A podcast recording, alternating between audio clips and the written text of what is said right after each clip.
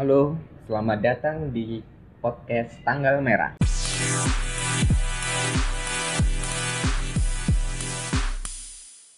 Halo, eh, selamat datang kembali di channel Tanggal Merah. Eh, udah lama nih kita nggak on air. Jadi kali ini aku akan eh, airing lagi dengan tema yang cukup menarik nih, kayak gitu. Karena narasumber kita kali ini eh, pernah mm, merasakan eh, bullying sama toxic relationship dan narasumber kita kali ini adalah salah satu saudara dekat aku juga. Jadi dia akan berbagi gimana sih eh, ceritanya dia bisa kena bullying dan gimana caranya dia eh, bisa lepas dari eh, toxic relationship kayak gitu. Oke, eh, tanpa panjang lebar langsung aku kenalin aja eh, narasumber kita kali ini. Ya, silakan. Halo, nama aku Indri. Aku kuliah di Universitas Negeri Malang, jurusan Pendidikan Guru Sekolah Dasar. Udah sih gitu. Oke, oke Indi. Jadi Indi adalah salah satu mahasiswi di eh, Universitas Negeri Malang ya, kayak gitu. Jadi eh, topik kita kali ini ini Indi ya, eh, apa namanya? Yang sering kita baca dan kita dengar di media sosial gitu ya tentang bullying sama toxic relationship kayak gitu. Oke, kalau gitu aku mau ini sih mau coba tanya dulu gimana pengalamannya Indi dulu kok bisa kena bully gitu. Itu gimana? Bisa di sharing nggak eh, ke teman-teman yang dengerin podcast kita kali ini? Jadi sebenarnya awalnya aku nggak ngerti sih kalau aku itu dibully gitu kan.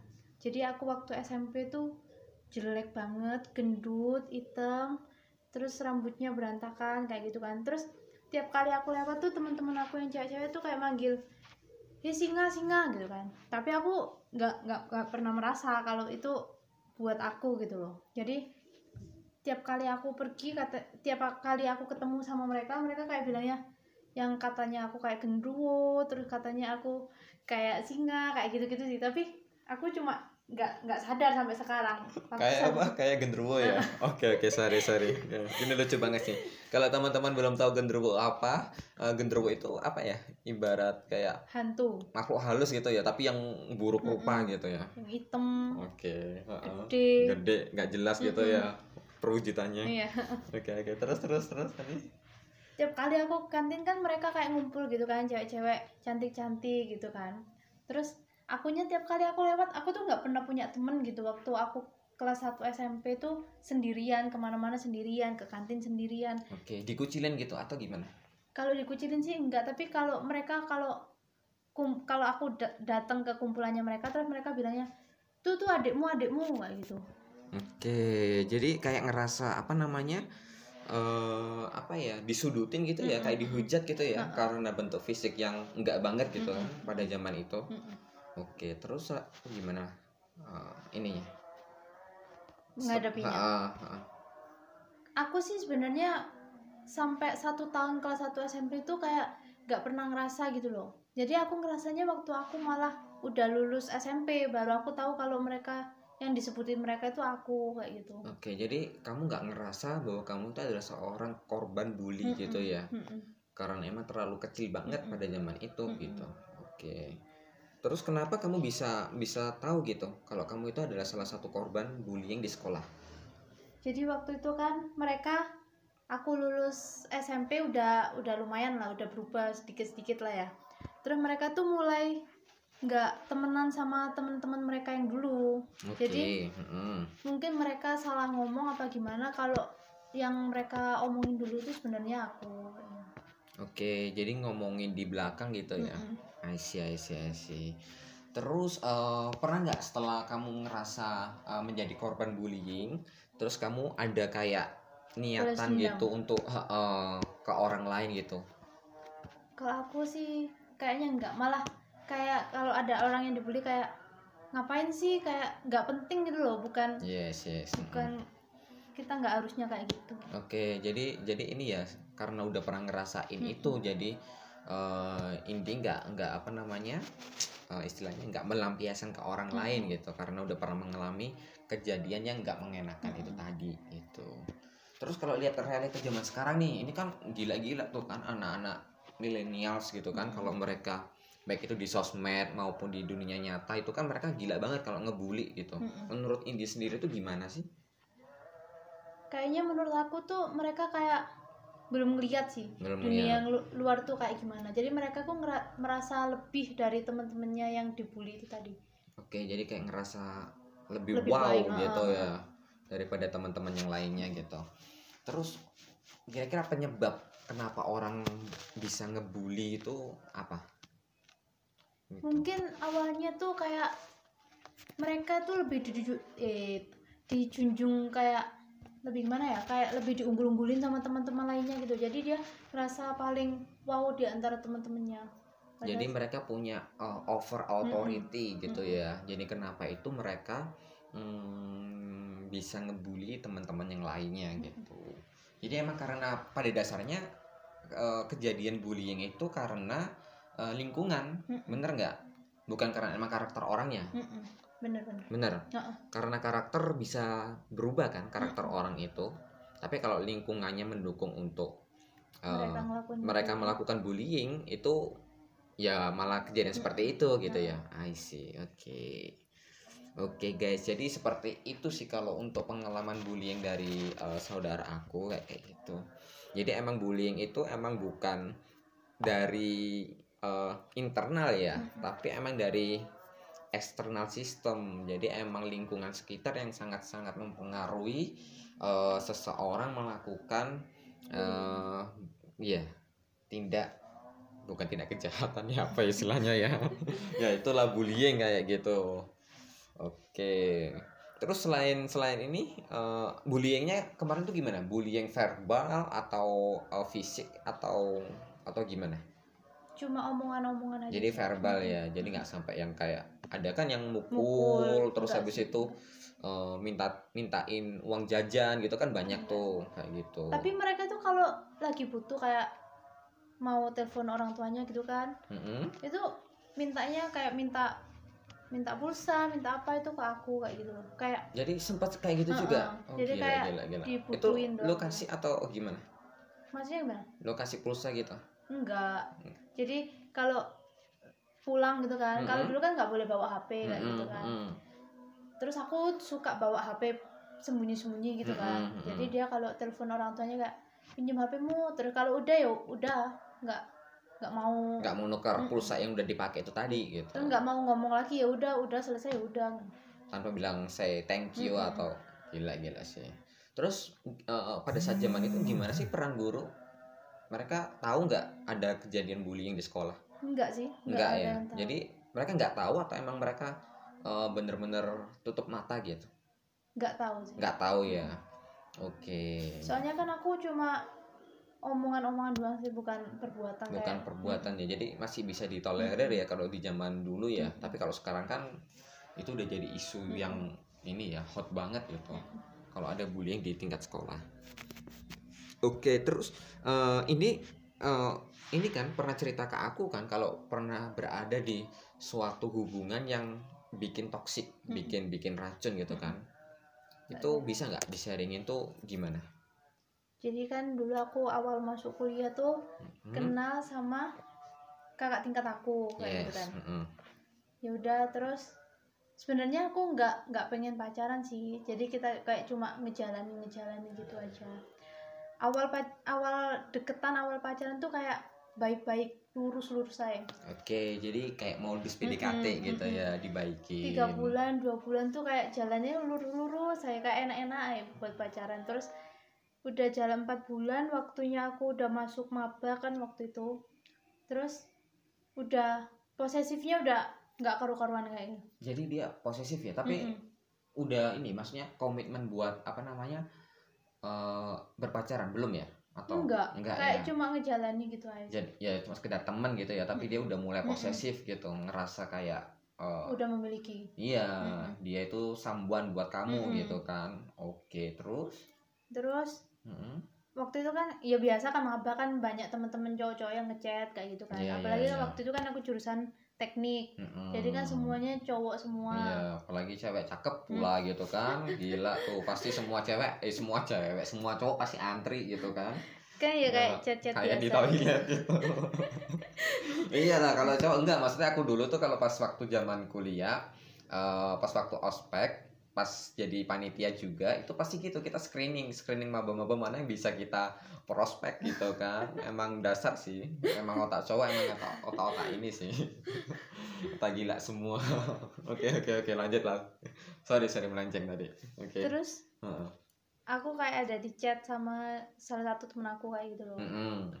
terus dia tuh kayak ngapain ngapain ini ngecat ngecat kamu kayak gitu kan. Kamu jealous gitu ya? Mm-mm. ini temenmu ini temen cewek gitu ya? Cowok. Oh cowok. Mm-mm. oke. Ya terus tiba-tiba tuh dia marah-marah terus ke kosan temen aku kayak ngajak berantem gitu-gitu. Awalnya sih aku kayak lah ngapain? Kayak ya biasa-biasa ya gitu loh. Mm. itu masih kejadian pertama. Terus kejadian kedua itu padahal aku sama temen aku kan ya pacaran. Kalau pacaran aku mesti ngajak temen gitu loh. Mm-mm. Terus dia tuh kayak kalau suasana hatinya lagi nggak pas kayak pelampiasan HP aku di- dilempar. Gila sampai segitunya. Mm-mm. padahal itu belum jadi apa-apa gitu iya kan. heeh. gila gila. Heeh, terus? Terus habis itu dia tuh ambil pulpen kayak ditusuk-tusuk ke tangannya. Terus itu kalau udah ngerasa sakit tangan aku yang digitu-gituin kayak Gila, gitu gila, loh. gila. psikopat ya kayaknya. Ada ada bakat-bakat ini. Terus akhirnya mafia Enggak bukan mafia sih. Oke oke. Oke. Terus Sorry, guys. akhirnya waktu itu kan terakhir udah udah mepet-mepet putus itu dia datang ke sini kan. Mm-mm. tapi aku masih main HP kayak gitu loh. Kayak ya wis ngapain? Kayak nggak nggak peduli gitu loh. Dia begging gitu buat buat eh, deketin kamu lagi gitu? Enggak dia tiba-tiba ke sini aja. Oh ke sini Mm-mm. heeh terus aku ya wis aku main HP gitu kan. Mm. nggak kayak nggak kepeduliin dia gitu loh. Terus tiba-tiba HP ku diambil terus aku ditampar. Terus kan Oh, sampai segitunya? Heeh. Gila gila berani banget dia nampar ini. Heeh. oh, kok adikku? Gila gila siapa tuh ntar aku cari lah dia terus Ah. waktu itu ibu aku ibu aku pas lewat kan. Terus akhirnya aku nggak anu teriak Mm. terus ya wis langsung udahlah wis putus saya nggak usah anu. Padahal usah tapi deket." tapi ka- kamu kan bilang tadi belum belum pacaran kan. Mm-mm. maksudnya nggak ada komitmen gitu. Tapi dia kayak ngerasa seakan-akan eh, udah udah iya kayak sesambuan buat Mm-mm. lu gitu kan aneh banget sih Mm-mm. terus terus gimana terus ibu Setelah- aku Mm-mm. akhirnya telepon ke orang tuanya dia terus dia ibuku ngomong kalau dia gimana gimana ke aku Mm-mm. terus akhirnya orang tuanya datang ya udah terus dia diajak ke pulang ke kotanya wis Mm-mm, udah bubar bubar Mm. oke jadi dia itu bikin istilahnya bikin bikin toxic karena dia pertama posesif Mm-mm. terus kedua mungkin abuse gitu ya kalau lu ya gitu Mm-mm. ya terus habis itu ngerasa kayak seakan-akan eh, dia itu so- sambuan buat lu Mm-mm. gitu padahal lu sendiri nggak nganggap gitu Mm-mm. dia itu spesial atau enggak gitu kan oke terus lu gimana maksudnya eh, apa namanya eh, bisa survive gitu dalam lingkungan seperti itu. Kalau aku survive-nya sih kayaknya masih belum ya. Masih kayak belum masih ada trauma Mm-mm, gitu. mm-mm. oke jadi kenapa sampai saat ini masih belum berani? Mm-mm, oke. Takut kayak kayak kejadian kayak gitu lah Heeh. jadi itu jadi kayak apa ya? Jadi aku nganggep semua cowok tuh kayak brengsek semua. Memang bangsat cowok. Memang kayak gitu. Oke tapi ada beberapa sih yang emang benar-benar cowok itu emang pure gitu kan. Ini buat cowok nih ya yang dengerin ini. Jadi kalau kalian punya temen cewek deket atau kalian mau deketin seseorang itu kalian juga harus bisa ngetrit eh, eh, lawan jenis kalian itu sesuai dengan kalian ngetrit ibu kalian sendiri gitu. Jangan seenak eh, jidat kalian sendiri itu karena itu bisa bisa jadi ini loh apa trauma ya tadi ya. Sampai sekarang pun masih belum berani untuk keluar dari istilahnya apa eh, memori yang nggak Iya. mengenakan itu Heeh. gitu. Jadi sekarang gimana? Masih struggle untuk masih sih. Masih kayak takut kayak kayak gitu lagi gitu gitu lagi oke. Mm-mm. aku paham sih emang butuh waktu sih Mm-mm. nggak nggak apa namanya nggak gampang juga untuk seseorang yang udah kena trauma habis itu bisa eh, lepas atau mungkin bisa bebas lagi kayak gitu. Oke. Terus jadi gimana? Eh, dukungan dari keluarga gimana? Keluarga ngedukung atau? Iya Ah, sih mm-mm. jelas lah. Jadi waktu itu habis habis kejadian itu kan Mm-mm. aku keluar dari UMM aku juga takut takut ketemu sama Iya, cowok ini iya, lagi oke, kan oke. jadi kayak dia tuh kalau di chat kayak ngancem-ngancem kayak gitu Gila, loh sampai segitunya Mm-mm. gitu kan ya jadi aku nggak nggak pernah masuk kuliah terus aku keluar keluar itu sempet ikut-ikut tes-tes ke mana-mana Mm-mm. akhirnya ya masuk di UM ini Oke, jadi salah satu strategi untuk keluar dari lingkungan toksik adalah lu menarik diri Mm-mm. dari lingkungan itu sendiri gitu ya. Oke guys, jadi eh, buat teman-teman yang dengerin ini mungkin bisa jadi salah satu trik ya atau tips ya. Jadi pertama emang kita harus menghindari sumber dari toksik itu sendiri itu kalau kita pingin untuk eh, apa namanya terbebas dari lingkungan yang mengekang kita Gitu. terus dampaknya selain eh, trauma ke Indi sendiri apa lagi selama berada di lingkungan toksik itu kayak kayak mau ketemu sama temen tuh kayak malu gitu loh jadi kayak mau kayak malu ya. dengan sendirinya gitu ya Heeh, soalnya Ah, kan kayak aku nih cewek kan yes terus mm. digituin sama cowok kan kayak ih murah kayak gitu-gitu loh kayak Oke. kayak ngerasa rendah di antara temen-temen yang Oke, lain juga gitu. ah, ah, I see, I see. Jadi benar-benar ini ya ke psikologis ya Mm-mm. maksudnya eh, apa ya? Lu jadi ada barrier Mm-mm.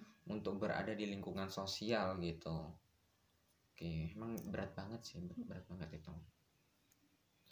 Oke, terus eh apa namanya? Eh, si si si cowok ini udah gak pernah kontak-kontak lagi atau udah bener-bener kalau atau masih masih ini masih kalau masih awal cari dulu sih kayak masih dia masih pakai akun palsu terus Mm-mm. ngechat aku di Instagram kayak Mm-mm. gitu gitu kan. Kalau sekarang sih kemarin tuh terakhir dia nikah kan. Oh udah nikah. Mm-mm. oke lah. Ngechat aku.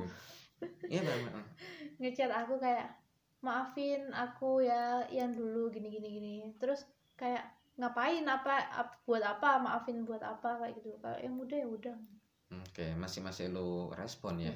Enggak sih enggak Oh, aku oh, balas. enggak cuma dibalas, aku cuma- read oh, Enggak. read aja Mm. tapi dari lubuk hati dari lu sendiri lu ngerasa ya udahlah Mm-mm. itu kan udah masa lalu gitu kan kita jalin aja yang ke depan Mm-mm. gitu kan toh juga punya masa depan masing-masing Mm. dia udah punya keluarga dan lu punya uh, karir sendiri ke depannya Mm-mm. gitu oke terus ada nggak uh, tips atau trik gitu buat Indi uh, buat teman-teman kita yang dengerin podcast kita kali ini gimana sih cara biar hmm, apa ya istilahnya ya hmm, terhindar atau bisa mengatasi masa-masa bullying habis itu di toxic relationship.